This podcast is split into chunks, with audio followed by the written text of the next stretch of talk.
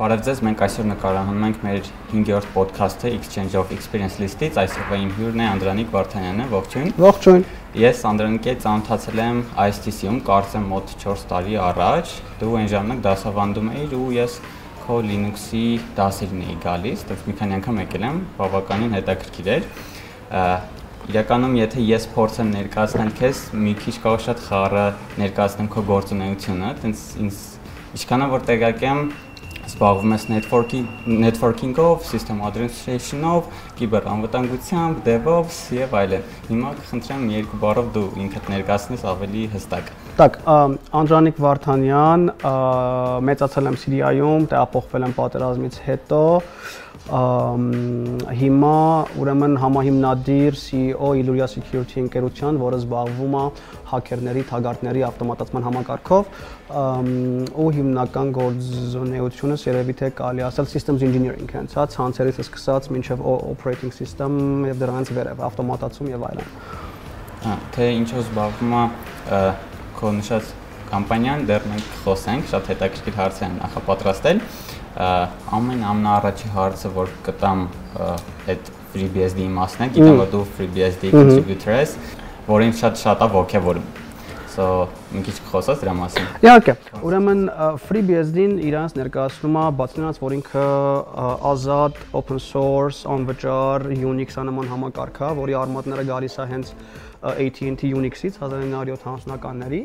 ինքը նաև մեր ամբողջական մեծ պրոյեկտ է, այսինքն այնտեղ կա համայնք, այնտեղ կան մարդիկ, ովքեր որ միասին քննարկումներ են անում, այնտեղ կան մարդիկ, այնտեղ կան ընկերություններ, որոնք որ ֆինանսավորում են այդ ամեն ինչը։ Ես FreeBSD-ի հետ ծանոթացել եմ երկար տարիներ առաջ, եթե չեմ սխալվում, արիթը հետևյալն էր, որ կար հայկական մի Linux բաշխում, որը կոչվում էր Arax, որը որ ինքը սովորական Gen2 էր, սակայն ահագին opinionated։ Օրինակ այնտեղ ահագին կարծրատիպեր ունենք, թե ինչ կարող ենք օգտագործել, ինչը չէ։ Եվ որովհետև ինքը Gen2-ի հիման վրա էր, Gen2-ն ունի ու Gen2-ն եզակի Linux-ներից է, որտեղ որ ոչ թե դու քաշում ես ծրագրերը որպես binary, այսինքն արդեն պատրաստի կոմպիլացված, ոնց որ հանդրենք Ubuntu-ում, այլ դու քո ձեռքով ես կոմպիլացնում ամեն մի ծրագիրը ունդեղ սկսում ես լավ տանջվել, որտեվ դու պետքա 12 ժամ կոմպիլյատորը կմփայլ անես, որ հետո այդ կոմպիլյատորը Google Chrome-ը 12 ժամ կմփայլ անի։ Հետո հասկացա, որ Gentoo-ի արմատները գաղափարապես գալիս են FreeBSD-ից, ու այդպես այդպես ծանոթացա FreeBSD-ի հետ բայց իմ հետաքրքրությունը FreeBSD-ի հետ ոչ թե հենց օպերացիոն համակարգն էր, որովհետև ինքը նաև unique էր դրանով, որ եթե Linux-ը իրանց ներկայացնում է ընդհանրապես միջուկ, այսինքն ինքը զուտ kernel-ա, հետո դու ունես GNU-ի ժողովուրդ, ովքեր որ հավաքում են իր վրա userland-ի գործիքներ, հա, LS-ը, dir-ը, չգիտեմ, mkdir-ը, բոլոր այդ հրամանները, FreeBSD-ն ամբողջական օպերացիոն համակարգ է։ Այսինքն ամեն ինչ մի տեղ էր ինքը պատրաստվում, մի տեղ էր կոմպիլացվում, մի մի խումբ մարդիկ էին դրա պատասխանատուն, դա իմ առաջի հետաքրքրությունն էր եւ երկրորդը, որովհետեւ ինքը մի տեղ էր, իմ համար շատ հեշտ էր ինչ որ միտեղ contribute անել եւ ես այնտեղ արդեն սկսեցի շփվել open source community-ների հետ։ Օրինակ, հենց վերջերս էինք խոսում դրա մասին, որ ինձ ասում են, okay, ինչպես միանամ community-ին, ասում են դե հեշտ է, գնում ես, նայում ես, ասենք bug list-ում ինչ կա, ինչ ինչ խնդիրներ ունեն, գնա եւ ուղղի եւ ընկերնից մեկը ասեց, բայց քո առաջինն էլա տենց եղել, հետո հիշեցի, որ իմ առաջինը տենց չէր։ Իմ առաջինը լրիվ հակառակ պատկերն էր, որ ես feature կար, որը ուզում էի Այդ feature-ը ես ուզում էի, գնացի, իմպլեմենտացրեցի եւ patch-ը ուղարկեցի իրանց, իրանք էլ այդ patch-ը ընդունեցին, որը որ դե top-ի հետ ծանոթ ես, որ բերում է process-ները։ Ես ուզում էի top-ում FreeBSD-ի top-ում նաեւ ցույց տար battery։ Ինձ ինձ ասեր, թե ինչքան մարդ կոցա մնացել ու այդքանը, այդքանը։ Գրեցի կոդը, մի 20-30 տող կոդեր, patch արեցի, հետո արդեն սկսում ես համայնքի հետ շփվել։ Օրինակ Warner Losh-ը, որը Netflix-ի աշխատողներից էր, ինձ հետո մեյլ ուղարկեց, ասեց, «Էս ինչ ես արել»։ Բայ, բան, բայմա մեր սերվերների վրա ցույց է տալիս 0% մարկոց, որտեղ սերվերների վրա բնականաբար battery չկա, ասեց, «Դե հիմա բան, ավելացրա մի հատ էլ այնտեղ if, որ ասենք, եթե սերվերը, եթե battery չկա, ապա ցույց չկա»։ Ուտեն սկսում ես համայնքի հետ շփվել ու այդ ու այդ իմ համար առաջի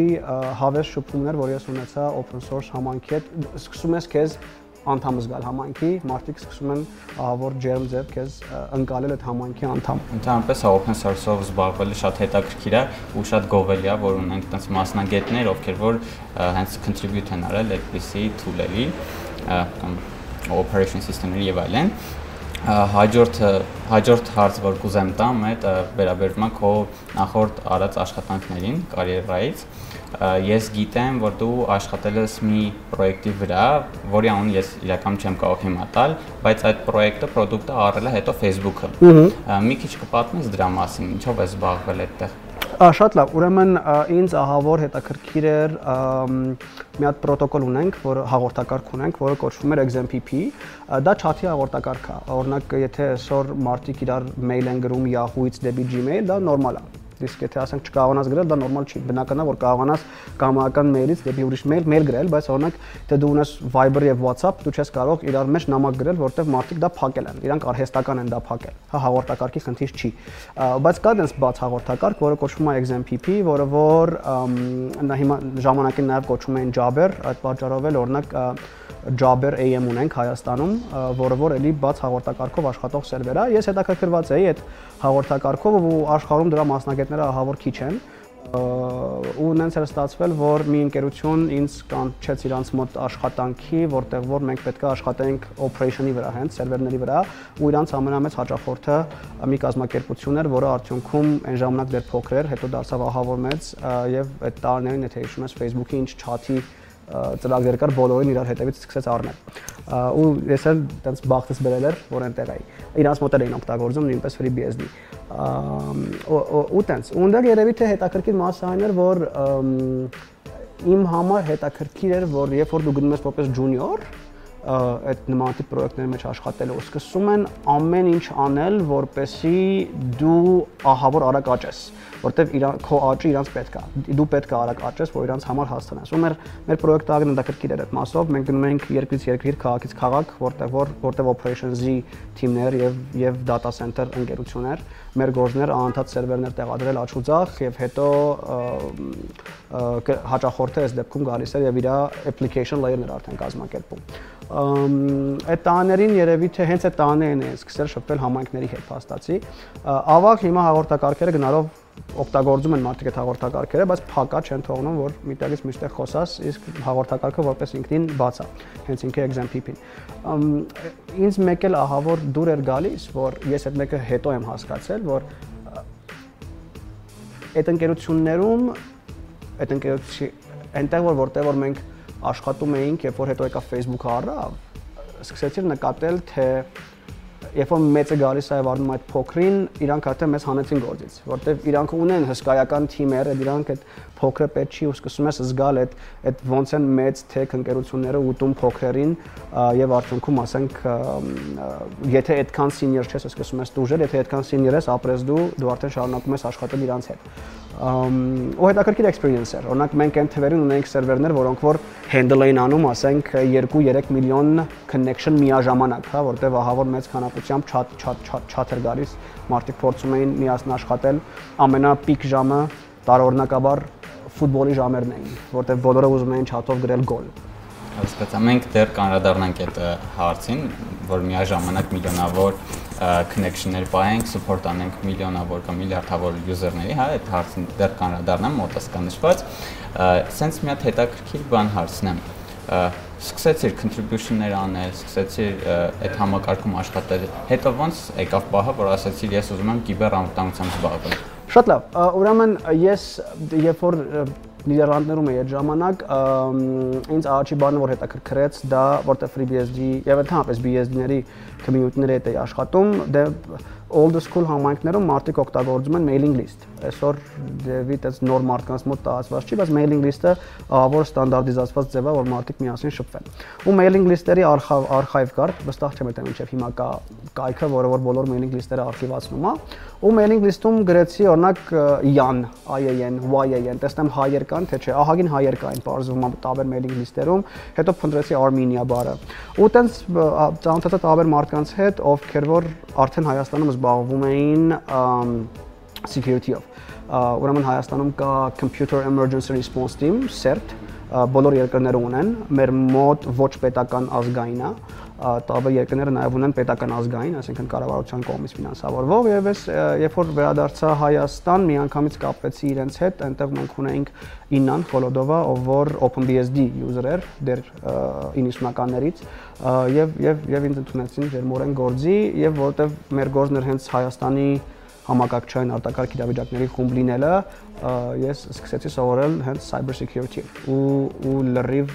անօրթոդոքս մոտեցումով, որտեղ հիմնականում սովորում են մարդիկ ոնց հարցակվել, մեր մոտ լրիվ հակառակներ պետք է հասկանալ, թե հարցակվողները ոնց են աշխատում, որպեսզի կարողանանք պաշտպանել։ So այդ պիսով արդեն կարողացա կամած-կամած մտնել cyber security ոլորտ։ Քանի տարի է cyber security ոլորտում։ 2015-ից, 2015-ից արդեն 6 տարի։ Հասկացա։ Հաջորդ հարցս, ինչ խորտ կտաս ոնց սկսենք սովորել կիբերամտանություն։ Շատ լավ։ Okay, շատ լավ։ Ուրեմն cyber security ընդունվելու համար իրականում մի քանի ձև կա։ Առաջինը, որը հիմնականում ուսանողներուն եմ խորհուրդ տալիս, դա հետևյալն է կան մի հատ մրցույթների տեսակներ, որոնք որ կոչվում են capture the flag competition, գողացի դրոշը փաստացի հայերեն թարգմանվում, որի իմաստը որն է, որ կազմակերպիչները տեղադրում են տարբեր տեսակի սերվերներ, կայքեր, web application-ներ, որտեղ որ կան խոցելիություններ։ Քո գործը ի՞նչ է։ Գնաս, Եվ այդ խոցելիության միջոցով ինչ որ մի դրոշ գողանաս։ Դրոշը կարող լինի բանալի, կարող լինի ֆայլ ու դա մրցույթի ձևով է կազմակերպում Jeopardy style, որտեղ որ ինչքան դրոշ գողանաս, այդքան միավոր կստանաս ու հետաքրքիր է այդ այդ CTF-ների դայա որ իրանք հատուկ նախատեսված են սկսնակների համար, որտեվ ենթադրենք եթե գնացի web application-ի challenge անելու, տակը գրածա hint, օրինակի համար տրված է քեզ ենթադրենք ինչ-որ մի հատ RFC, հա, ինչ որ մի ստանդարտի ամբողջական դոկումենտացիա կա, որ դու պետքա կարդաս։ Դա քեզ սովորացնում է նախ եւ առաջ կարդալ RFC-ներ երկրորդը քեզ սովորացնում է կարողանալ հասկանալ թե application-ի հետ ոնց շփվել լրիվ զրոյից։ So եթե դու ունես ահավոր մինիմալ գիտելիքներ, դու ընդդեղից սկսելով կարող ես մտնել դեպի cyber security արդեն որպես հարցակվող։ So այդ CTF-ները ահագին լավ տարբերակ են, օրինակ կա CTF Time-ը, ctftime.org, որտեղ որ ամեն օրվա բոլոր CTF-ները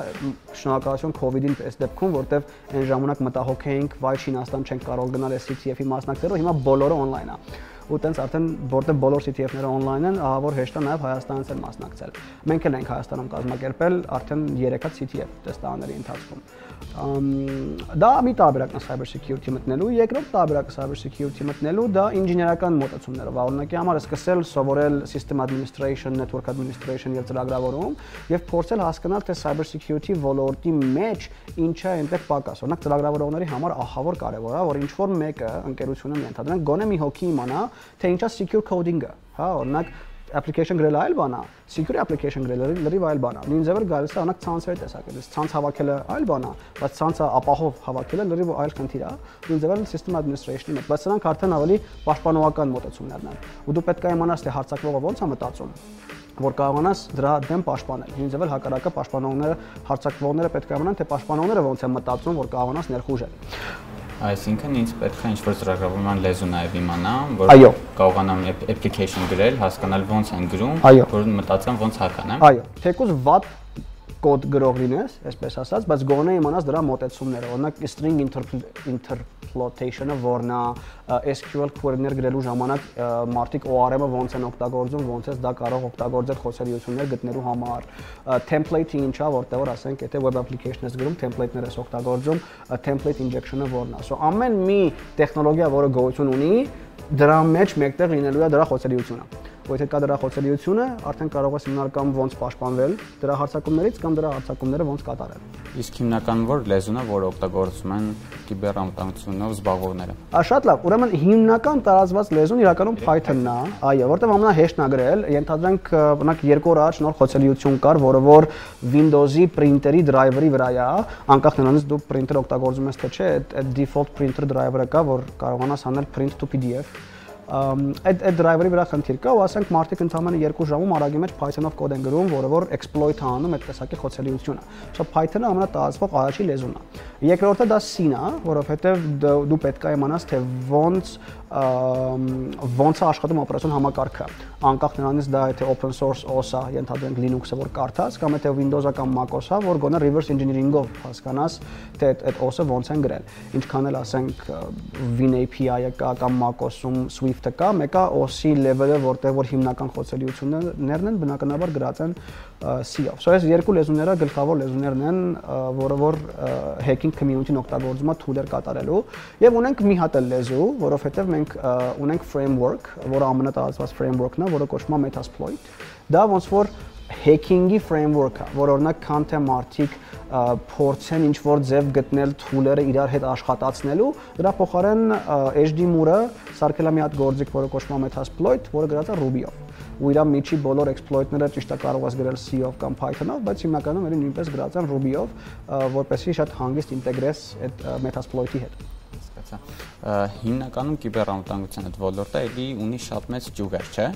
ու հնարավոր է ես զբաղվեմ կիբերանվտանգությամբ ու ինչ որ ճյուղ բաց թողնեմ, չէ՞։ Այսինքն չեմ կարող ամեն ինչ իմանալ, ոնց որ ծրագրավորման մեջ էլի, հասկացա։ Սենց մի հատ հետաքրքիր հարց ունենք տրված հանդիսատեսի կողմից, ասում են, երբ որ գրված է Linux-ի իմացություն, ինչ որ job opportunity համար ինչ է այդ նշանակում։ Այդ մարդիկ հասկանում են ոնց որ Windows-ի իմացություն, ու տենց չեն հասկանում։ Խոսքը security ոլորտի մասին է։ Security, թեկուզ ծրագրավորում եւ այլն։ Linux-ի իմացություն ինչ է ներառում իր մեջ։ Շատ լավ։ Օրինակ Linux-ի իմացությունը ես հիմնականում բաժանում եմ երկու խմբի։ Մեկը թե դու իմանաս Linux-ը ոնց է աշխատում, դա օրինակ սկսնակներին վերաբերվող հաս չի, որովհետեւ թե դու իմանաս օրինակ process-ը տակից ոնց է աշխատում, դա շատ կարևոր գիտելիք է, բայց այլ բանա որ դու լինես այն մարդը, ով որ գրում է թե process-ը ինչ տեսք պետք է ունենա, արդեն դու դառնում ես kernel developer փաստացի։ So դա մի level ենթադրում եմ որ խոսքը դրա մասին չի որտեղ դրա համար արդեն կասային օրինակ system engineer-ը պետք իսկ Linux-ի իմացությունը երևի թե Linux-ի գործիքների հետ իմանալն է իմ համար օրինակ եթե մենք ենք նման տիպ բաներ փորձում անել դա բարկացածա 3 գլխավոր մասերից։ Առաջինը իմանալ, թե shell-ի հետ ոնց աշխատել։ Այսօր մարդիկ ահավոր ձևի մոռացան shell-ի հետ աշխատել, pipe-երը օգտագործել, redirect-ները օգտագործել, ահավոր կարևոր է օրինակ հասկանալ, թե DVFS-ը ոնց է աշխատում, որտեղ որ քո բոլոր device-ներն են, եթե դու նույնիսկ աշխատում ես որպես machine learning engineer, քեզ համար դա շատ կարևոր է, որպեսզի ավելի օպտիմիզացնես քո, ասենք, GPU-ի աշխատանքը, որտեղ device-ների հետ է աշխատում։ Երկրորդը դա երևի թե կլինի scripting-ը, նույնիսկ shell-ի հետ աշխատել ավտոմատացնելու համար, դա ամենասիրուն բանն է, որ մենք ունեցել ենք վերջի 50 տարվա մեջ, որ կամայական ծրագրի output կարա լինի կամայական ծրագրի input, ու այդ ամեն ինչը shell-ի միջոցով ավտոմատացնելը դա ահավոր հզոր կարողություն է տալիս։ Ու երրորդը ինձ թվում է պետքա հասկանալ գոնե ամենաաբստրակտ տեսակետից, թե օպերացիոն համակարգը ոնց է աշխատում։ Օրինակ, եթե ծրագիրը կախեց, իմանալ ինչպես օգտագործել PS-ը, ծրագիրը ինչի է կախել, ցանցն է կախել, ֆայլն է կախել, ծրագիրն է վատ գրած, դրա համար չի աշխատում, so դրանք առօրյա գործիքներ են, որը որ մարդ պետք է իմանա անկախ նրանից թե ինքը ինչ գործ է անում, որտեղ քեզ մեկը դրանք պետք են գալու։ Դրա օրինակներից մեկը ես շատ ունեմ, որ շատ ուսանողներ էին ունենում, ասում էին, «Էս մեր ինչին է պետք» տենց ասում էի դե պետք է սովորեք ու տենց անցնում էր դասը, հետո անցնում էր 6 ամիս, հետո ինձ տեսնում էին դրսում ասում էին կարող է Unix-ի դասերը մի հատ էլ անենք, ասում եմ ինչի, ասում եմ է պետքա Git-ի հետ աշխատելը է պետքա, իմանալ command line-ը ոնց օգտագործել է պետքա։ Սա թվում է Linux-ի իմացությունը այդ 3 մակարդակով, հա shell-ը օգտագործել, shell-ը ավտոմատացնել եւ հասկանալ թե օպերացիոն համակարգը ոնց է աշխատում,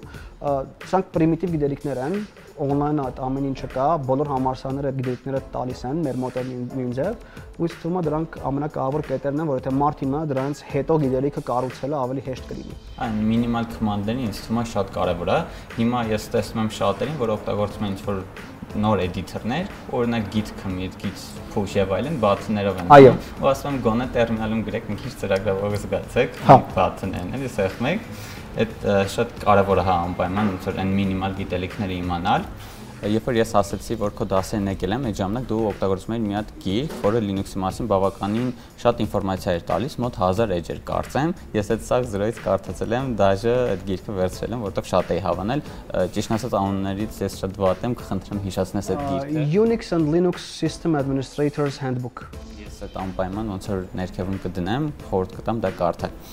Հիմա ասենք այն թեմային, որ ասացիր 1 միլիոն active connection, 1 միլիոն active user, ես հիշում եմ քո Barcamp-ի ելույթը բայց չեմ հիշում որ տարե թվին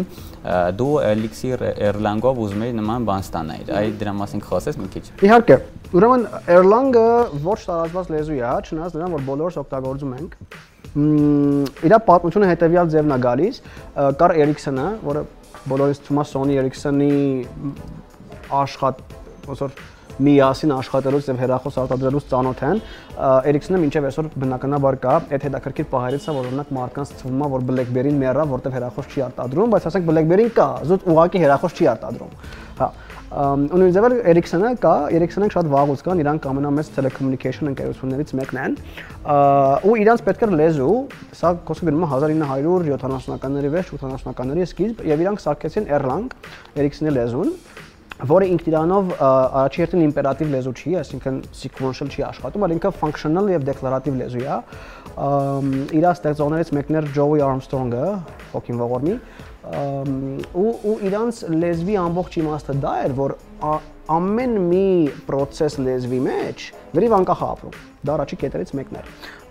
ու ու Elixir-ը ընդամենը Erlang-ի Erlang-ի մեքենայի վրա աշխատող, որտեղ Erlang-ը ունի իր VM-ը, բայց ինքը իրական VM-ի գաղափարներով է աշխատում, այսինքն իր մեջ ամեն մի process ունի process ID, իր ամեն մի process ունի իր առանձին հիշողությունը, եթե Java-ում garbage collector-ը եկավ ամեն ինչ կանգնեց, այստեղ տենց չի, որտեղ ամեն մեկը առանձին է ապրում։ ու Elixir-ը ընդամենը ինչ, այնքը ընդամենը ոնց որ քաղցրությունա Erlang-ի վրա, որտեղ որ դու ավելի Python-ով, Ruby-ով modern node syntax-ով գրում ես կոդ, որը աշխատում է Erlang-ի VM-ի վրա։ Շատ եմ ասել, որ Elixir-ից գնում են Ruby, որտեղ աշխատանքը շատ է ու նման։ Այո, Այո, Ruby-ից Elixir, Elixir-ից Ruby ամենատարածված փոփոխություններն են, որտեղ նախ վաճ լեզվի ստեղծողը Elixir-ի Jozen, Հոզեն, Հոզե Վալիմը, ինքը նախկին Ruby developer-ներից է եղել, եւ ինքը vocation-չվել էր մի հատ լավ, շատ լավ գիրք կա, որը բոլորին խորհուրդ եմ տալիս, որը կոչվում է 7 languages in 7 weeks կամ 7 days հա որտեղ որ խոսում է ոչ mainstream լեզուների մասին, ասենք Haskell, Scala, Clojure, Erlang եւ այլն, ու այդ գիրքից vocation-չված ինքը փորձեց Erlang-ը ավելի սիրունացնել, Erlang-ի VM-ի վրա աշխատացնել Elixir-ի կոդ։ Դրանց դուր եկավ, ես Elixir-ը օգտագործում եմ, երբ որ դերինքը Elixir չէր կոչվում։ Այսինքն մենք version 1-ել չունեինք, ես ուղղակի Erlang-ն էի շատ սիրում, որտեղ ես դուր էր գալիս, երբ որ դու system engineer ես,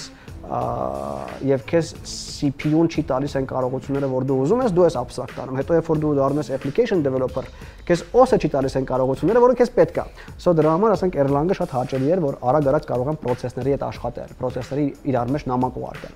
Երբ որ տեսա Elixir-ը, երբ որ դեր Elixir չէր կոչվում, շփվեցի համայնքի հետ եւ դրանից հետո իմ բոլոր պրոյեկտները Elixir-ով են եղել ու ու հիմնականում օրինակ այդ այդ մի քանի միլիոն connection-ները ահագին հեշտ է կատարել մի լեզվով, որը որ նախատեսված է դրա համար։ Ես դրա համար միշտ ամենալավ օրինակը տալիս եմ բանկերը։ Օրինակ on-line banking ունես ու քեզ օրինակ կարող է mail գա, ասեն, այսինչ օրը, այսինչ ժամին, շաբաթ օրը 2 ժամով չես կարող օգտագործել, որովհետև պետք է maintenance անենք ստանդարտ մոտեցումը։ Բայց օրինակ երբեք չի լինում, որ Vivassel-ը կամ Ucom-ը ասի, այսինչ օրը, այսինչ ժամին երիտասարդականում չես կարող հեռախոս զանգանել, որտեվ անտենան պետք է update անենք։ Այ դա առանց ասելու, չէ։ Այ այ դա Erlang-ի հատկություններից մեկն է, որ ինքը օրինակ auto update-ը անում ինքն իրան, հա։ Ինք իր հատկություններից մեկն է, որ ինքը fault tolerant է։ Իր կայֆերից մեկը այն է, որ ինքը այդ microservice գաղափարը, որ հիմա տարածված է, իր մեջ այդ գաղափարը դեռ կար 20-30 տարի առաջ, որտեղ որ դու ամեն մի փոքր գործի համար մի հատ process ես կրակում եւ ամենը իր գործն է անում so այդ այդ մոտեցումները որ մենք այսօր հասնում ենք որովհետեւ վեբը դրա կարիքը ունի telecommunication-ի ոլորտը դրա կարիքը վաղուց ուներ որովհետեւ դու հիմա ունես մի քանի միլիոն web user բայց դու հեռախոսի user ունեցել ես դեռ 70-ականներից մի քանի միլիոն ու իրանք այդ խնդիրները կարողացել են լուծել ու դրա համար շատ հեշտ է նմանատիպ highly scalable ծրագրեր սարքել Erlang-ի եւ Elixir-ի միջոցով Հա, իրական քոթոքից հետո ես ու իմ մոտ ընկերը շատ տես ողջավորվեցինք, շատ հետաքրքիր էր ու սկսեցինք Elixir ուսումնասիրել բավական երկար ժամանակ։ Ուղղակի ափսոս, ոնց որ դեռևս մինչև հիմա Հայաստանում տենց քիչ ֆիրմաներ կան, որ կավա մատերի վրա հաշվում, հա, հա, շատ շատ քիչ ֆիրմաներ կա, որ օգտագործում են մի քիչ darknet-ից կխոսես, ինձ թվում է շատ-շատերն է հետաքրքիր ու տենց մեկ էլ ասում են կարելի է паспорт առնել, կարելի է ինչ-որ killer վարձեր կարելի է ինչ-որ sense բաներ անել։ Գիտեմ, որ դա ամեն ինչը վստահության վրա, բայց ուզում եմ քո կարծիքը։ Okay, ուրեմն darknet-ի գաղափարը իրականում շատ հետաքրքիր արմատներ ունի, որովհետև նախ պետք է հասկանալ, որ darknet-ը, որը որ մենք այսօր օգտագործում ենք Tor-ի միջոցով, երբ որ մենք մտնում ենք get onion կայքերը, որը որ աշխատում է միայն Tor-ի միջոցով, ինձ մինչև այսօր ապշեցնում է, որ Tor-ը որպես ինքնին եղել է Ամերիկայի ՊՆ-ի պրոյեկտ որովհետև իրանց պետք էր, որ երբ որ իրանց զինվորները գնան արտերկիր, ասենք Քուվեյթի պատերազմի ժամանակ եւ այլն, իրանք ունենային ապահով կապ դեպի Ամերիկա եւ դրա համար իրանք Tor-ն են ստեղծել։ Այն ժամանակ կոչվում էր ընդհանրապես Onion router, հետո ընդդեղից Tor-ը ստեղծվեց։ Ու այդ ինձ համար ահավոր ապշելու կետ է, որ եւ TCP/IP-ն է այսօր ստեղծված Ամերիկայի ՊՆ-ի կողմից եւ նույնպես էլ Tor-ն է ստեղծված Ամերիկայի ՊՆ-ի կողմից ու ու բնականաբար իր կամայական գործիք կարա օգտագործվի եւ լավ եւ վատ նպատակներով Tor-ի Onion-ի ստեղծելու իմաստը դա էր եղել, որ նույնիսկ եթե ինչ որ մի կայք DNS-ից անջատեն, դու կարողանաս իրան ինչ որ մի ձև հասանելիություն ունենալ, ապահովելով եւ միացողի եւ միացվողի անվտանգությունը, հա, որ լրիվ անոնիմիտին մնա դրա օրինակներից մեկը օրինակ շատ լավն էր 2008-ի մարտի 1-ի դեպքերի ժամանակ, երբ որ ազատություն.am-ը ուղակի .am-ից անջատել էին, բայց onion-ով կարող էր ազատությունը մտնել եւ նայել։ So այդ գործիքը այդ առումով շատ լավ բան է եւ օգնում է, ասենք, լրագրողներին, ակտիվիստներին եւ այլն։ Բայց նույն ձևեր կարող են կրիմինալները դրանք օգտագործել, մինչեւ այսօր ահավոր տարածված է, սկսած child labor-ից մինչեւ զենքեր առնել, նարկոտիկներ, քիլերներ, որոնք որ իսկականից տարածված դեպքեր են, եւ օրինակ եւ նաեւ ծրագրավորողներ as as funny as it sounds դու կարող ես վերցնել ծրագրավորողներ որտեվ մի քիչ դժվար է ասենք Upwork-ում գրել որ ինձ պետքա ծրագրավորող որպեսի սարքի կայք նարկոտիկների համար ահա որ դժվար է դա անել իսկ նույն ձև ասենք darknet-ում կան հատուկ կայքեր որտեղ որ վճարումը բնականաբար bitcoin-ով է կայքը .onion-ով է եւ այնտեղ կարող ես ծրագրավորող վերցնել որպեսի գնա եւ ասենք նարկոտիկների կայք սարքի ու ինքդ սարքում ես, հա ահա որ խորհուրդ եմ տալիս այնպես բան չանել։ Չսա սարքելը որպես այնպեսին լեգալ չի, լեգալ է, որտեվ ինչ էական է թե դու ինչ ես սարքում, բայց ethical չի էլի ամեն դեպքում ու darknet-ը գնալով ավելի հետաքրքիր է դառնում, որովհետև այսօր darknet-ում մենք տեսնում ենք երկու տեսակի էքստրիմները, մեկը դա պահպանողական էքստրիմն է, որը որ քննարկումները գնում է, որ կորոնավիրուսը դա լաբորատորիայի կողմից ստեղծված ինչ-որ տենց conspiracy theory-ներն են եւ մյուս կողմն ունես լիբերալ էքստրեմը, որը որ ասում է, որ ինչ որ, չգիտեմ, alien-ներ են եկել կամ այսինչ, այսինչ քաղաքական գործը sense բաներ անում։ Սա այդ այդ երկու էքստրեմներն էլ դու մեկը ունենալու ես ու dark web-ում այդ երկուսն էլ կան մնում են նենց անել, որ այդ գործիքը ճիշտ նպատակով օգտագործել հա լրագրողների, ակտիվիստների եւ այդ բոլոր տեսակի մարդկանց համար, բայց օրինակ Facebook-ն է ունի .onion-ով կայք, հա Facebook-ը շատ շուտ վանից ունեցել է .onion-ով կայք, որտեղ դու ուզում ես Facebook օգտագործել առանց քո շատ տվյալներ տալու, այսինքն միայն 10 ինչ որ Facebook-ին ուզում ես տալ, ապա կարող ես նույնիսկ ասենք Facebook-ին գտնել .onion-ով։ Կարծեմ onion-ով կայք բարձրացնելը բարդ չի, ես միայն ահա որ հեշտ է, ահա որ հեշտ է, ասենք երկու տող է բարի բունի իմաստով, միացնում ես Tor-ը եւ ինքը տակից արդեն աշխատած աշխատում։ Ժամանակ ես որ փորձեցի շատ-շատ դանդաղ էր աշխատում, ինչի չէի ուզում ասել։ Ինքը որովհետեւ գնում է մի քանի օղակներով, ինքը onion է, հա, ինքը սոխանման է, եւ այսինքն որպեսի ես հասնեմ քո կայք ալգորիթմը պարտադրում է որ ես մի քանի հատ թորի ցանցի անդամների մոտով ցածկեմ նոր հասնեմ համապատասխան տեղ։ Նույն ձևել գնում է, եթե դու Tor-ի միջոցով մտնես ենթադրենք google.com, ապա ինքը մինիմում 2 հատ հանգույցի մոտ կգնա, որոնք որ կոչվում են relay node, հետո նոր կգնա մի հատ node-ի մոտ, որը որ կոչվում է exit node, որտեղից որ դու դուրս ես գալիս համացանց։ Իսկ onion-ի դեպքում դերին իմ մոտեցումը ուղղակի բնականաբար exit node չունենք, մինիմում 2 հատ node-ի մոտով է պատտվում քո տրաֆիկը encrypt եղած, նոր վերջում հասնում է արդեն վերջնակետին .onion կայքի մոտ, որ հանկարծ ոչ մեկ չի մնա թե ով ոնց գնաց։ Դրա համար ինքը շատ դանդաղ է քո կարծիքով ավելի շատ դարձնում գերակշռում է այդ խափող մասան, թե որ վստահության վրա ինչ-որ գործ են։ Հետաքրքիր բան ես ասում, օրինակ ես փորձել եմ darknet-ից օգտվող մարդկանց հետ օգտվել, ծանոթներից մեկն է պատմում, Կիլերը չենք փորձել, կիլերը չենք փորձել։ Փորձել են ունակ նարկոտիկ առնել։ Օրինակի համար ամենատարածված բանն է, որը լրիվ legal երկրում էր Նիդերլանդներում weed էին առնում, որը որ լրիվ օրինական էր։ Զուտ երկու հատ պատճառ կար, թե ինքը ինչու որոշեց գնալ եւ առնել darknet-ից։ Առաջի պատճառը դա ավելի էժան էր, որտեղ մրցակցություն կար, ավելի էժան էր, եւ երկրորդը դա review-ներն էին որովհետև darknet-ում ընդունված է վատ review-ները չջնջել։ Դու կարող ես ասենք գնաս eBay-ից փորձես ինչ-որ մի ապրանք առնել, review-ները կարող է եւ սխալ լինեն, review-ները կարող է եւ վատ լինեն։ Կարող է նաեւ հատուկ նենց անեն, որ տենց վատ review-ները ցույց չտան։ Նման տիպ խնդիրներ շատ կա այդ mainstream տեղերում։ Իսկ ասենք darknet-ում ով որ տեղադրում է, ասենք, weed-ը, որպեսի նա ծախի, ինքը ընդհանրապես կապ չունի կայքի տիրոջ հետ, եւ կայքի տերը ասում է, որ ես լավ review-ները եւ վատ review-ները կպահեմ։ Սա review-ների գաղափարը գերել էր իմ ընկերներին, որ իրանք այնտեղից սկսեն առնել։ So այդ մի մասան ունենք, այդ մի մասան միանշանակ ունենք, so միան վատ նպատակների համար չի որ օգտագործվում բայց գերագշրող մասը իրականում շատ դժվար է իմանալ, որովհետեւ ինքը հենց դրա համար էլ կոչվում է dark net որտեղ չենք կա, չգիտենք այնտեղ ինչ կա։ Կարող է այնտեղ ահավոր շատ լավ բան կա, որի մասին տեղյակ չենք, կարող է այնտեղ ահավոր շատ վատ բան կա, որի մասին տեղյակ չենք։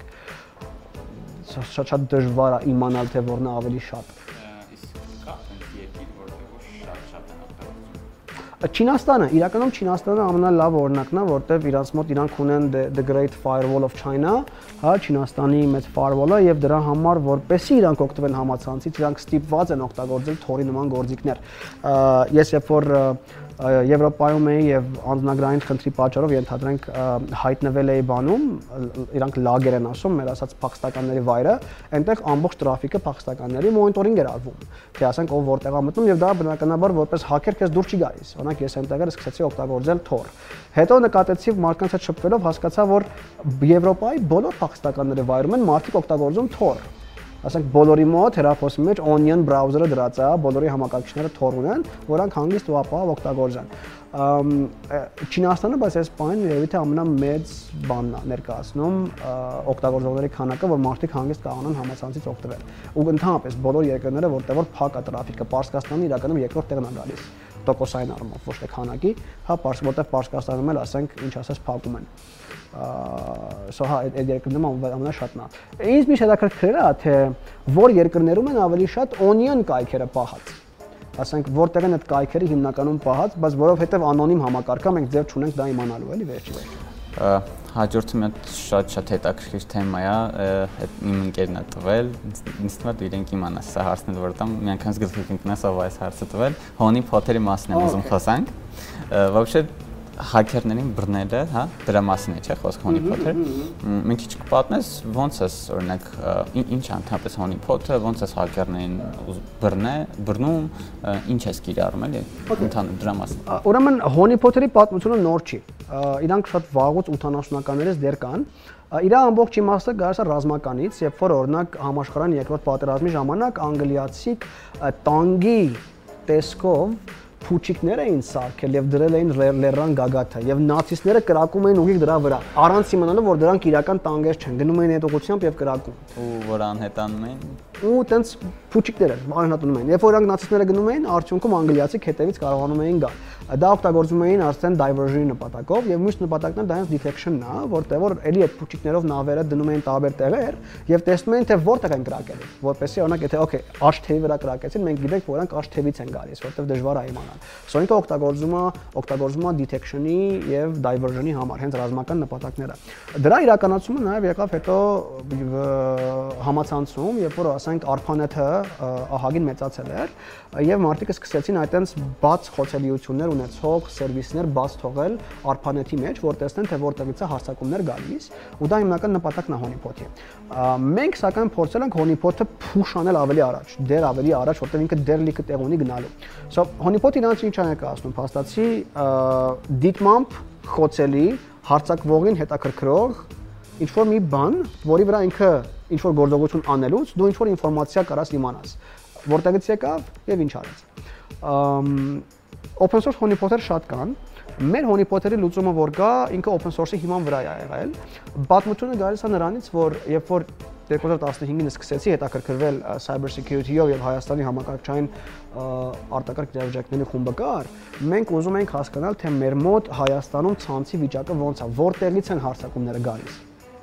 ու այդ ժամանակ հասկացա, որ լավագույն ձևը դա անելու դա հոնիփոթերն են։ Դնել տարբեր օպերատորների մոտ, տարբեր ցանցերում հոնիփոթեր եւ տեսնել թե ինչ հարցակում է գալու։ Այդ հարցակումները, որ գալիս են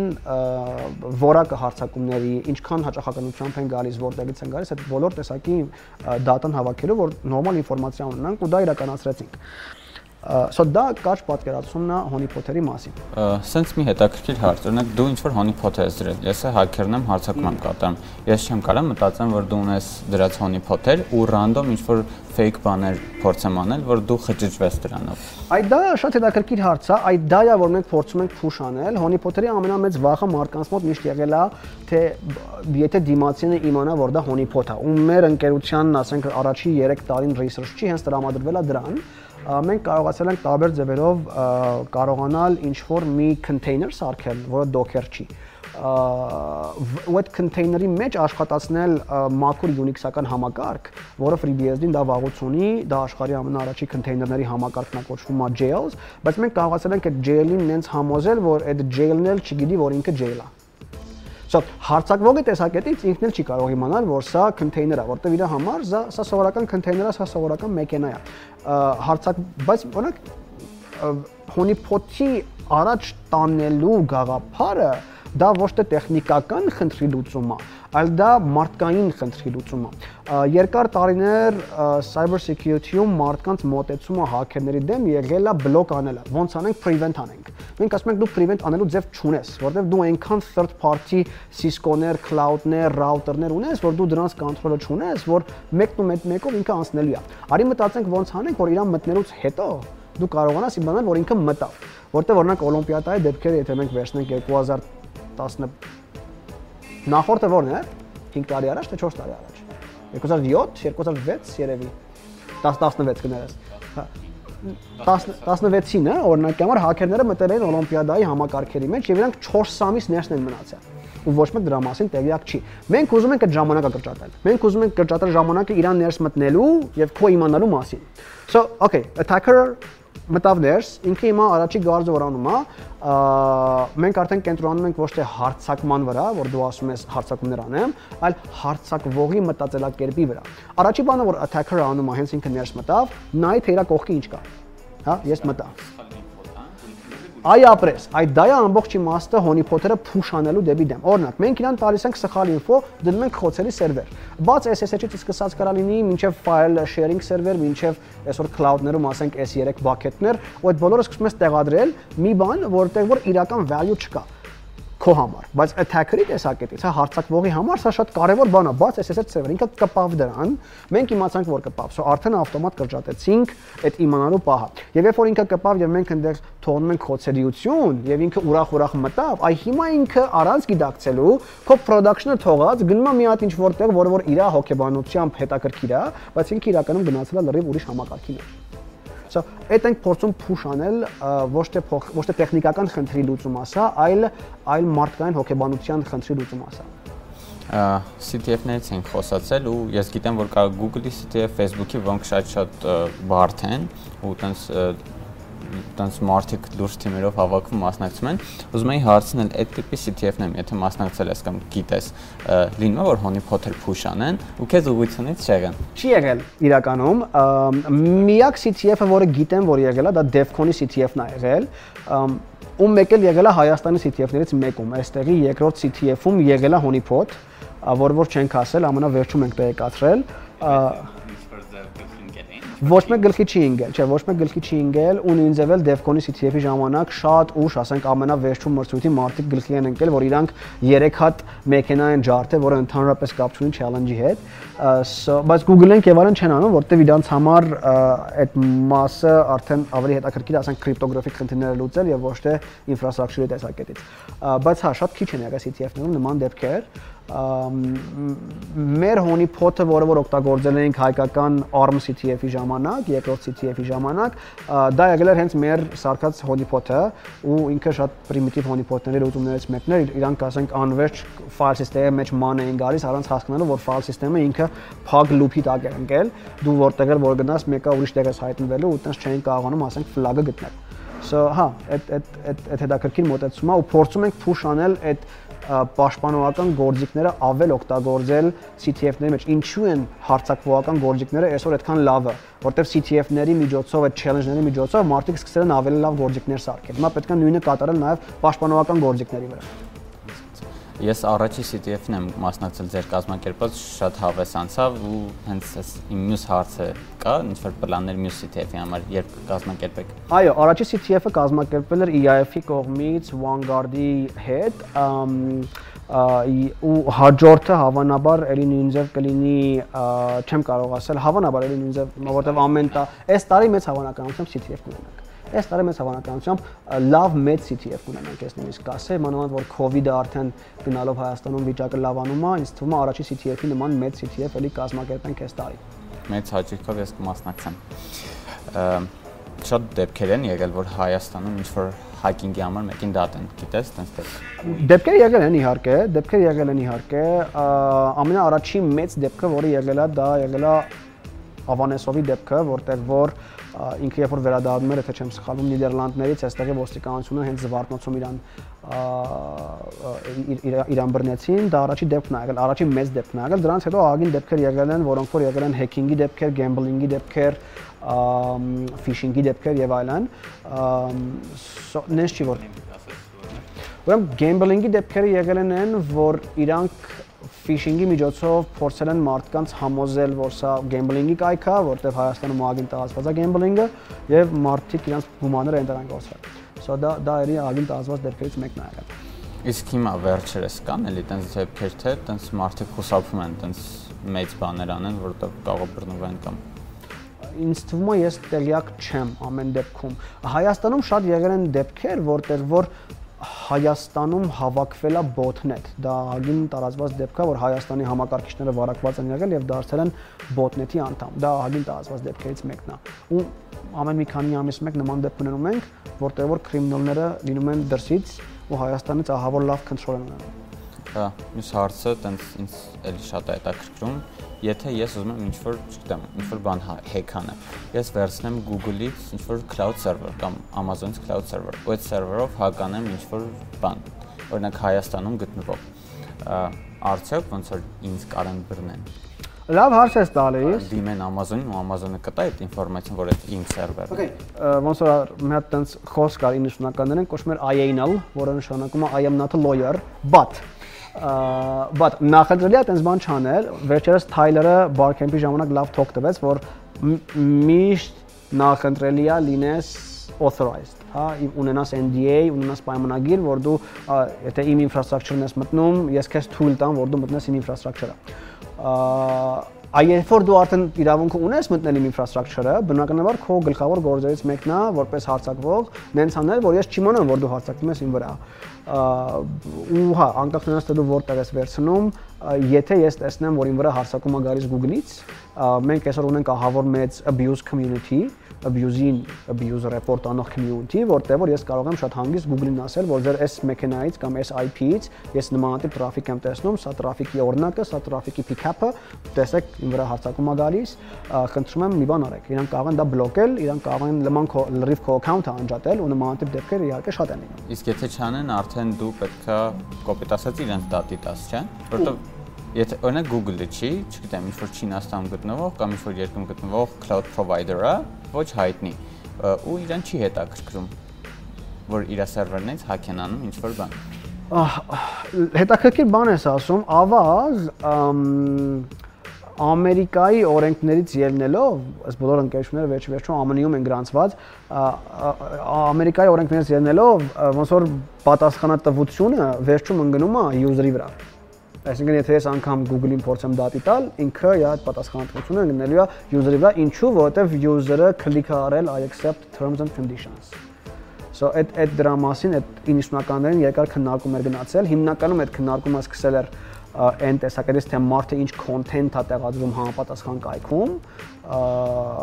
որը խոսքը գնում էր, ասենք, pornography-ից սկսած մինչև illegal software օրինակ տարածելը եւ որը վերջում ըստ օրենքի համապատասխան եկավ այն որ okay ոչ թե կայքի կայքն է պատասխանատու այլ ով որ այդ ամեն ինչը անում անհատը so հա այս դեպքում ես չեմ կարող Google-ին դատի տալ ես կարող Google-ին տեղեկացնել ինքը կարա քեզ դատի տա ամեն դեպքում այո է հաջորդ երկու հարցը կարող է շատ լսած լինես ինտերվյուն եմ ինչ-որ կամպանիաներում երբ որ քեզ են հարցրել նախ ամնաառաջինը կուզեմ ասես այն ամնամեծ ինցիդենտը որ քո հետ եղել է օրինակ production-ում մեկ էլ երկրորդը այն ամնամեծ լուրջ խնդիրը որ դու գտել ես ինչ որ project սկան անելուց այսինքն հա Okay, okay։ Առաջինը, առաջինը շատ հեշտ կարող եմ ասել, որտեվ production-ում production փչացնել շատ շատ եմ շատ շատ եմ production փչացրել։ Հա, մեծ փորձ ունեմ production փչացնելու։ է տենց գործի առաջարկներ չկան, չէ՞, էլի staff AM-ում production փչացնող, senior production փչացնող։ Okay, production փչացնելու իմ առաջ երկրորդ առաջի 10 լավ ու երևի թե ամենամեծերից մեկը եղել էր երբ որ մենք data center-ում էինք աշխատում, որը սպասարկում էր մի ամբողջ երկիր ու այդ ու այդ data center-ում ես ցանցի սխալ configuration եմ անում ու տենց չեմ ջոգում, որը սխալ configuration եմ անում ու մեկից 2 րոպե հետո ինձ զանգում է ընկերության CTO-ն։ Ու ասում է, չգիտեմ ինչ ես արել, հետ դզի։ Ասում եմ, ինչ ա եղել։ Ասում է, չգիտեմ ինչ ես արել, բայց հենց հիմա ամբողջ Ֆրանսիայում 30 միլիոն connection մեռավ, ասենք, ուղղակի 30 միլիոն connection, որը կպածեն մարդիկ տարբեր application-ների մեռավ։ Ու տենց փորձում ենք միասին հետ այդ ամեն ինչը հետ ուղղել, ու այդ ամենամեծ բաներից մեկն է եղել, թութութու պիկի ժամ չէր, մարդիկ գոլ չէին գոռում դա դա մի դեպքերից է եղել։ Երկրորդը, որ եղել է, դա եղել էր էլի մի data center-ում, որտեղ որ մենք ունենք ահավոր մեծ storage, եւ այդ storage-ի data-ն էր կորել, որովհետեւ մեր intern-ներից մեկը սխալ update էր արել եւ արդյունքում ամբողջ storage-ը կորել էր։ Ու այդ storage-ի կորելը մեզ վերես նրան, որ մենք փորձեցինք շապատներ ծախսել data-ն հետ վերականգնելու համար այդ այդ այդ այդ երևի թե մի քանի տասնյակ մինչև 100-ատ հասնող դիսկի մասն է խոսքը։ Իսկ մինչև այդ ինչ վիճակում է օրինակ պրոյեկտը։ Նորմալ, հանգիստ ինքն իր համար աշխատող։ Բարձրում ամենաառաջի կարգավորողը երբեք չի մտածել նրա մասին, թե ինչ կլինի, եթե ֆեյլ լինի ինքը մտածել է այն դեպքում եթե սա ֆեյլնի, սա ֆեյլնի, սա ֆեյլնի, բայց երբեք չի մտածել այն кейսի մասին, որը մեր հետ կատարվեց, որը որ սխալ update-ն էր, որի արդյունքում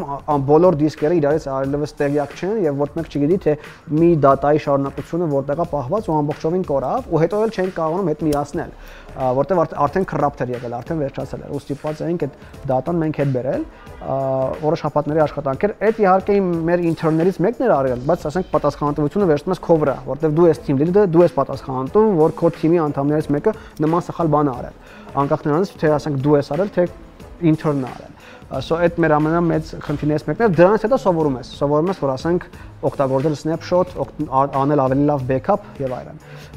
եւ երկրորդ հարցը ասել ամենավաց խոցելիությունը ուրեմն չեմ պատասխանում որովհետեւ դեռ չեմ հրապարակել չեմ պատասխանում որովհետեւ Լավ, ուրեմն նախավերջի են ամնամեծ որն է եղել։ Ա, օքեյ իմ գտած թե իմ հետ հանդիպող քո գտած Իմ ամենասիրածը կարամ ասեմ, իմ ամենասիրածը ամենավերջինն ա եղել հենց չհրապարակածը չէ։ Ամենավերջինը եղել էր հետեւյալը, Flickr-ի հետ ծանոթ ես հավանաբար, որը որ նկար sharing անելու կայք է, Yahoo-ն առավ, հետո ես իմով առավ։ Ես ու ընկերներս Flickr շատ ենք սիրում օգտագործել։ Flickr-ում ուրեմն դե կա RSS feed, որտեղ որ RSS-ով կամ Atom-ով կարողանում ես մարդկանց հոսքը կարդալ, որ ամեն անգամ կայքը չբացես refresh չանես օրինակ Facebook բան չեն սիրում, որ դու ամեն անգամ ստիպված app-ը մտնես, բայց ասենք Flickr-ը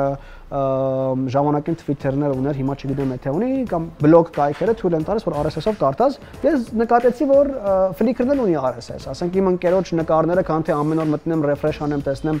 նոր նկար գրարելա թե չէ, ես կարող եմ իր RSS հոսքին գրանցվել։ Շատ լավ։ Գրանցվում իր RSS հոսքին, մեկը ջոգում եմ, որ իր նկարները չի բերում, բերում է ում նկարը, որ ասես Պիտոմ բերում է ում նկարը որ ասես, որը որ այդ մարդիկ այդ նկարը դեռ չեն հրապարակել։ So բարձվում է, որ Flickr-ում կա մի հատ feature, որը կոչվում է scheduled posts, բարձվում է հիմակվա բոլոր սոցցանցերը ունեն, որտեղ որ ասում ես ապագայում էս գրառումը արա, ու ու որովհետև մարդիկ ապագայում են գրառում այդ այդ նկարները, ու այդ նկարները դեռ չեն հրապարակվել Flickr-ի կայքում, բայց RSS հոսքի մեջ մնացել է։ Որտեղ մարդկանց կայքը նկարները, որոնք որ դեռ չեն հրապարակվել, ու մենակ իմ ընկերոջ չէ։ Ամբողջ Flickr-ի բոլոր նկարները ես մի հոսքի տակ կարողանում եի տեսնել, ոչ մեկ դա չէր նկատել ինքնանից security խնդիր չի ներկայացնում, բայց կարա բանի խնդիր ներկայացնի, հա data-ի, եթե ասենք մի կազմակերպություն ուզում է այս պահին նկարը գրառի, բայց դու ասենք շաբաթներ շուտ կամ ամիսներ շուտ իմանում ես, որ նկարը գրառել է։ Քո լոկալի date-ի հետ կապ ուներ։ Ընդհանրապես չէ, ընդհանրապես չէ, հա, ընդհանրապես չէ։ Ես ուղղակի իրանց իրանց query-ին որ կար, ես իրանց query-ին սխալ էի copy արել ու մեկ էլ նկատում եմ, որ մի բան են չէ, ու այդ իմ ամենա ամենասիրած սխալմամբ բացահայտած եւ հավես խոցելիություններից մեկն էր, որ որ այսպես վերջի մի քանի ամսում կարողացել էի նկատել։ Ամենավերջի հարցը community մասին, ինչ կասես հայկական կիբերամտանքության community։ Okay, սրա մասին Barcamp-ին էի խոսացել, շատ կարճ էի խոսացել, դրա մասին մի հատ էլ խոսամ։ Ուրեմն Հայաստանը եւ մնացած աշխարհը շատ տարբեր են վերաբերվում կամայական community-ին։ Դրսում դու ունես community եւ community-ն սարքում է գործիքներ, որ community-ն շփվի։ Հայաստանը մեր քաղաքական դաշտի նման պետքա լինեն գործիքները կամ անհատում պետքա հետևես քաղաքական դաշտում նոր դրա շուրջ հավաքվի community-ին։ Փայ Երևանը դրա ամենալավ օրինակներից մեկն էր, որով հետև իրանք սարքել էին Facebook page, Twitter page եւ Telegram խումբ, որովհետեւ դու սարքել էիր Node.js-ի համար այս խումբ, այն խումբ, այն խումբ, մարդիկ սկսեցին հավաքվել ես այդ սկսեցի նկատել, որ Հայաստանում պետք են գործիքներ, որպեսզի մարդիկ դրա շուրջ հավաքվեն, հակառակը մեր մոտ չի լինում, որտեղ շատ փոքր ենք, մի քանի միլիոն ենք, ակտիվ մարդիկ էլ ավելի քիչ են, համայնքի մարդիկ էլ ավելի քիչ են ու ու հասկացա, որ համայնքի համար 3 հատ կարևոր կտոր կա, որ համայնքը կարողանա միասին շփվել։ Առաջինը դա chat-ն է, որտեղ որ բոլոր համայնքի անդամները միասին կարողանան real time communication կատարել, այդ chat-ը Հայաստանում ինչ որ մի ձև լավ է կատարվում, մեկը ասենք Telegram-ի միջոցով, մյուսները օրինակ մենք ունենք Jabber AM-ը, որտեղ որ ավելի old school մարդիկ այսօր Jabber AM-ում են ասենք խոսում երկրորդը, որ ես հասկացա, դա մեզ պետքա ֆորումի նման մի բան, որը այս պահին համարյա բոլոր community-ների մոտ պակաս է եթե դու դրսում ես, դու ունես, ասենք FreeBSD ֆորում, դու ունես Y Combinator-ի Hacker News-ը, որտեղ որ մարդիկ քննարկումներ են անում, դու ունես, ասենք Lobsters-ը, որտեղ որ մարդիկ ավելի old school քննարկումներ են անում ու տարբեր համայնքներ իրանց տեղեր ունեն, ունես Python ֆորում, ունես Elixir ֆորում, այդ բոլորը կան, մենք այդ չունենք։ Մենք չունենք հայկական տեխնիկական ֆորում, որտեղ որ մենք կարող ենք աշխատել։ Այդ դրանից ոգեշնչված ես նկատեցի, որ Lobsters-ը ունի source code-ը բաց դրած համացանցում, այդ source code-ը վերցրեցինք, հայաֆիկա հայաֆիկացրեցինք, դարձավ ամեն ինչ հայերեն եւ ինքը այսօր դրած է հայատար հայ դոմեյնի տակ։ Ու թեկուզ քիչ, մի քանի տասնյակ, բայց գոնե ակտիվ user-ներ ունենք, ովքեր որ ամեն օր գոնե մի հատ link են գրառում, որ ասենք PHP 8-ն է դուրս եկել, օրինակի համար, ու տակը մարդիկ սկսում են ֆորումի նման քննարկել, «Ո, այս feature-ը դուրս գալիս է, այս feature-ը դուրս չի գալիս» ու երրորդ կետը համայնք պահելու համար, որովհետև okay, դու այդ լինքը դրեցիր, չէ՞ որ PHP 8-ը դուրս է եկել։ Ուրեմն ինչ որ մեկը գրել է, որ PHP 8-ը դուրս է եկել։ Ուրեմն քեզ ինչ որ տեղապետ, որ մարդիկ գրեն այդ ամեն ինչի մասին։ Facebook-ները ավող իրանք լավ լուծում չեն, որտեվ չի ինդեքսավորվում ընդհանրապես։ Այսօր աղագին լավ հայկական համայնք կա Medium-ում եւ այդ process-ը ավելի կենտրոնացված դարձնելու համար սարքեցինք նաեւ oragir.hi, որը էլի համայնքի կողմից ֆինանսավորված եւ այտենց maintain լինող բան է, որը որ ինքը զուտ բլոգինգ է, ինքը markdown-ով բլոգելու համակարգ է, ով ուզի կարա գրանցվի օգտագործի։ Ու ու վերջի 6 ամսվա ընթացքում մենք արդեն ունենք 45 բլոգեր, ովքեր որ գրառել են 300 հատ բլոգ post, որը որ ահագին լավ թիվ է, այնտեղ եւ կան security վերաբերյալ, եւ կան ծրագրավորման վերաբերյալ, եւ օրինակ կա ասենք Երևանի եղանակի վերաբերյալ, սա մարդիկ տարբեր բաների մասին են խոսում ու ու դա շատ ողջունելի է։ Ու հույս ունեմ, որ մարդիկ գնալով այս սրա մոտ կգան։ Community-ն մեր ամենագլխավոր կետն է, որտեղ բոլորը ստարտափ էկոսիստեմում ուզում են, որ Հայաստանը դառնա ոչ թե consuming, այլ producing մի երկիր, որտեղ որ մենք ենք ստեղծում, բայց դրա համար մեզ պետքա community, որ օրինակ ես գնամ սկսնակին ասեմ, որ արի իմ հետ գրի այս OSI կոդը, երբ որ ինքը տեսնի OSI կոդը գրել, հետո ինքը կսկսի իր մեջ vocation-շվել, որ պետք չի մեկի ինձ task տա, որ ես անեմ։ Արի ես կարող եմ մենակով այդ task-ը անել open source-ի համար, ես կարող եմ մենակով սարքել այսինչ company-ին, ու մենք արդեն կդառնանք ավելի producing։ երկիր, որտեղ որ արդեն կունենանք product company-ներ եւ ոչ թե օրինակ միայն outsource կամ